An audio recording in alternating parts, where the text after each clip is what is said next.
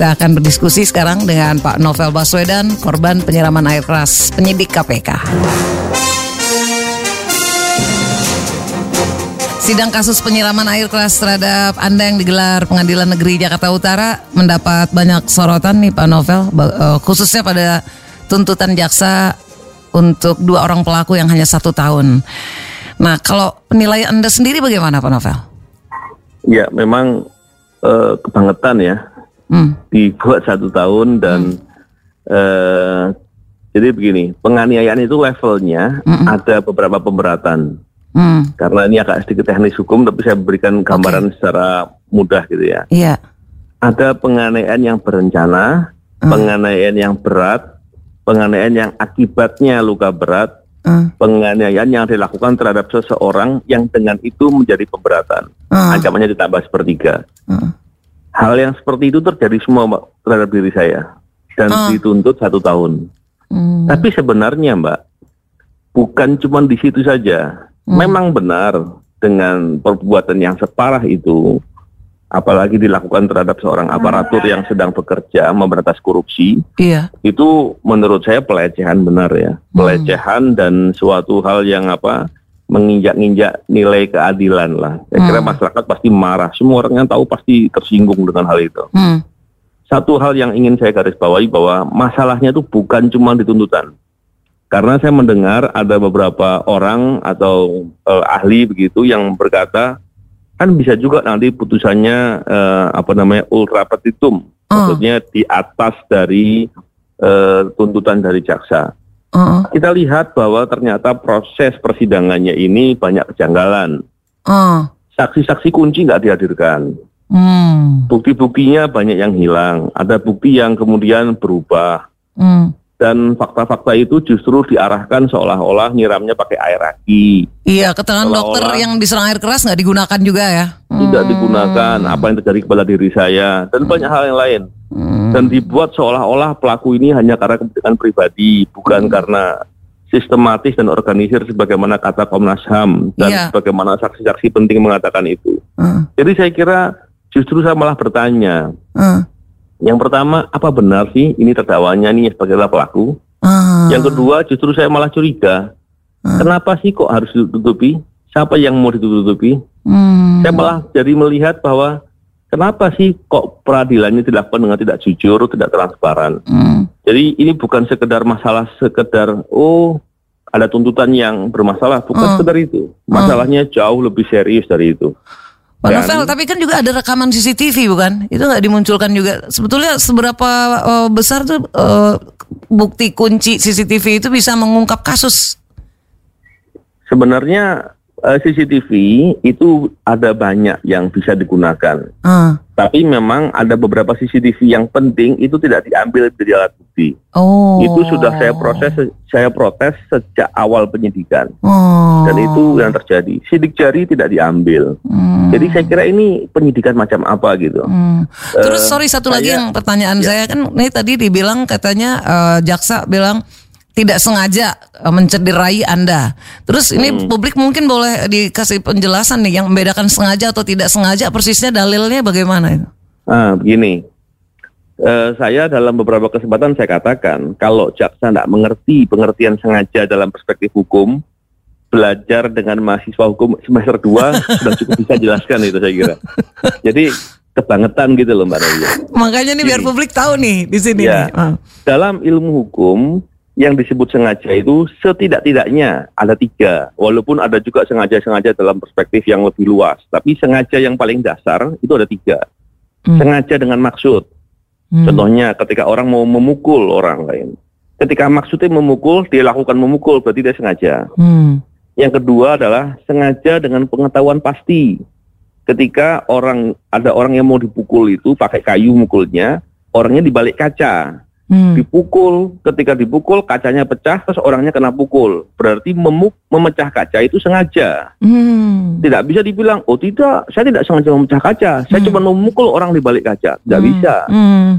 yang ketiga adalah sengaja dengan pengetahuan mungkin terjadi contohnya begini hmm. ada orang mau bunuh orang nih hmm. di tengah pasar ditembak orangnya si A ini mau dibunuh. Ternyata tembakannya meleset. Iya. Karena orang yang jualan di pasar dan mati. Heeh. Dia bilang saya tidak sengaja membunuh orang pedagang itu karena saya mau bunuh si A. Heeh. Meleset karena si pedagang pasar. Oh tidak bisa.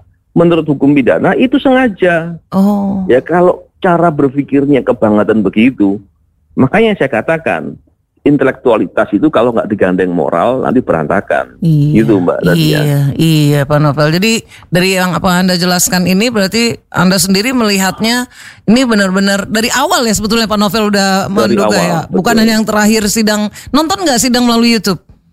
Enggak, enggak. Nggak nonton. Karena gimana ya, saya itu dari awal sudah janggal. iya dari awal loh Pak Novel kita Saya tahu. kalau nonton kayak membuang-buang waktu gitu kan. Iya, malahan kayak membodohi diri sendiri juga gitu. iya kan. benar, jadi gregetan, jadi Oh, nambah gregetan. marah, mbak dosa lagi malah lagi Mbak. Tapi kan dari hasil persidangan itu ya Pak Novel ya, eh, kita udah tahu nih hasilnya seperti itu. Terus apa ada langkah lain yang bisa dilakukan mungkin? begini, dalam hukum pidana, jaksa sebagai penuntut umum itu mewakili kepentingan negara. Kepentingan yang mana dari negara? Yaitu kepentingan untuk melindungi eh, warga negaranya. Dalam hal ini adalah saya sebagai korban. Mm-mm. Jadi saya tidak bisa melakukan upaya hukum apa pun. Oh, Yang berupaya adalah jaksa. oh my God. Lah kalau jaksanya yang harus mewakili saya bertindak seperti itu, Iya. bagaimana kira-kira? Ya Jadi Allah. ada ada ada saya melihat di di masyarakat yang bilang kan bisa banding. Ah. Loh, itu yang banding jaksa bukan saya gitu. Oh gitu. Jadi ini kadang-kala melihat separah itu. Sekarang Mbak Nadia bayangkan, mungkin kalau apa saudara-saudara pemirsa eh, apa Radio Idola. Mm-mm. radio idola bisa Hmm. bisa berpikir begini.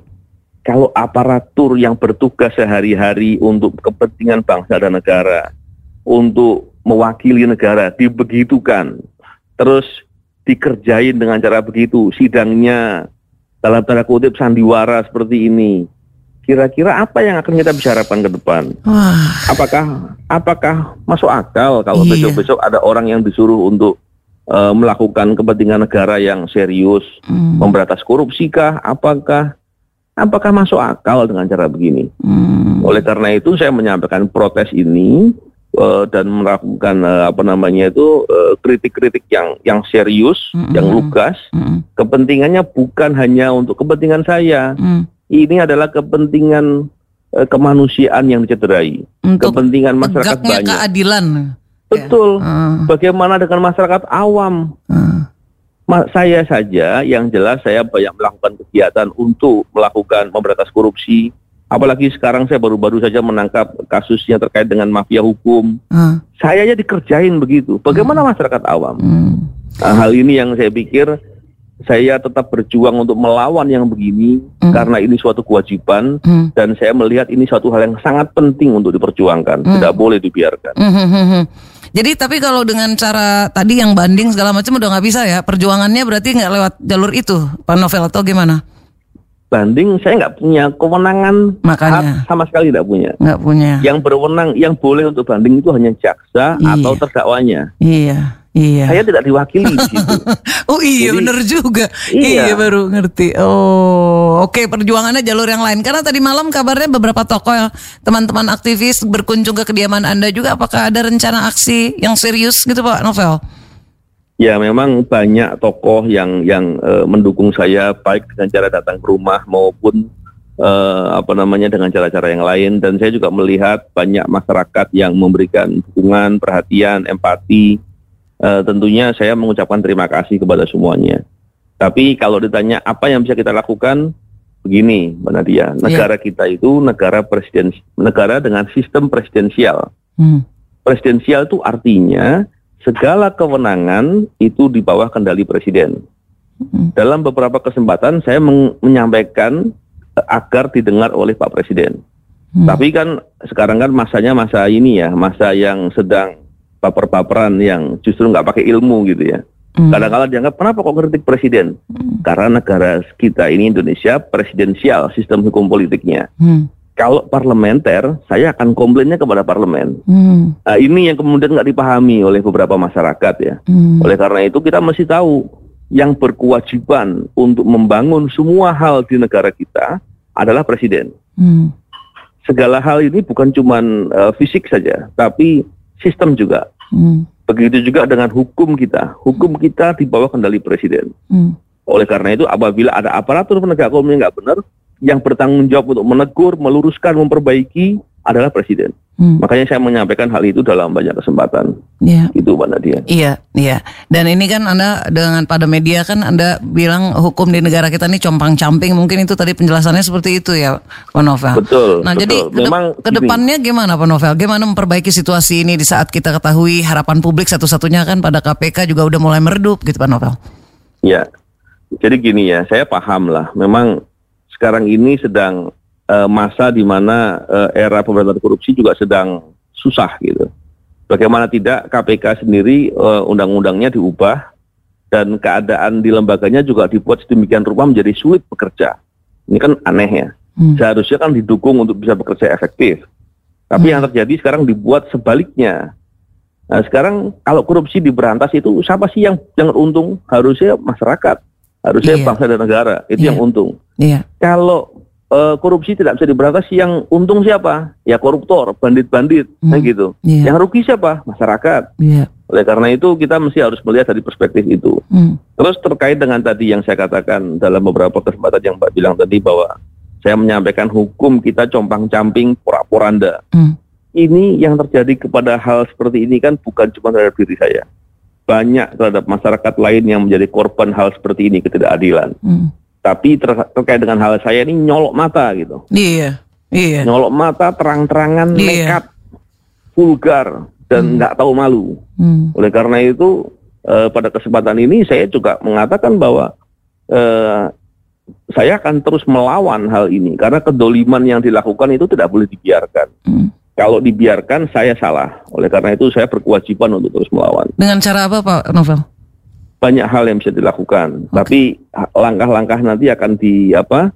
dibicarakan dengan kawan-kawan dari koalisi sipil yang sedang diskusi. Oh. Eh, saya pun dalam hal ini sementara melakukan eh, protes-protes dengan serius Oke. karena eh, protes-protes dengan serius itu diperlukan untuk memperbaiki eh, dan memahamkan kepada para pengambil kebijakan bahwa masalah itu Iya. bukan masalah sepele Hmm. Dan masalah itu apabila dibiarkan menjadi semakin rumit. Hmm. Oleh karena itu tanggung jawab pengambil kebijakan, pengambil keputusan untuk segera menyelesaikan masalah-masalah itu. Dan saya pastikan orang-orang yang melakukan itu tidak melakukannya dengan tanpa sadar Oke. atau tidak sengaja. Hmm. Aparat oknum-oknum penegak hukum itu melakukannya dengan sengaja. Hmm. Dengan permainan-permainan ini semua itu sengaja. Iya, makanya ini ada WhatsApp dari pendengar idola bilang Pak Andika bilang nggak cuma mencederai keadilan nih, melecehkan kecerdasan publik juga. Kemudian ada yang bilang Gusti Allah buatan sare, karma pasti ada. Namun waktu tidak bisa diprediksi. Iya, iya, iya. Banyak yang doain Pak Novel, selamat berjuang. Terima kasih banyak mau sharing dengan Ya, Radio Idola kasih. di Semarang. Sama-sama Mbak Nadia. Sampai jumpa Pak Novel. Mari, selamat siang. Demikian Mitra Idola kita telah mendengarkan langsung dari Pak Novel Baswedan bagaimana uh, penilaiannya sendiri terhadap uh, tuntutan jaksa pada dua orang pelaku yang hanya satu tahun. Itulah korban penyiraman air keras penyidik KPK Novel Baswedan.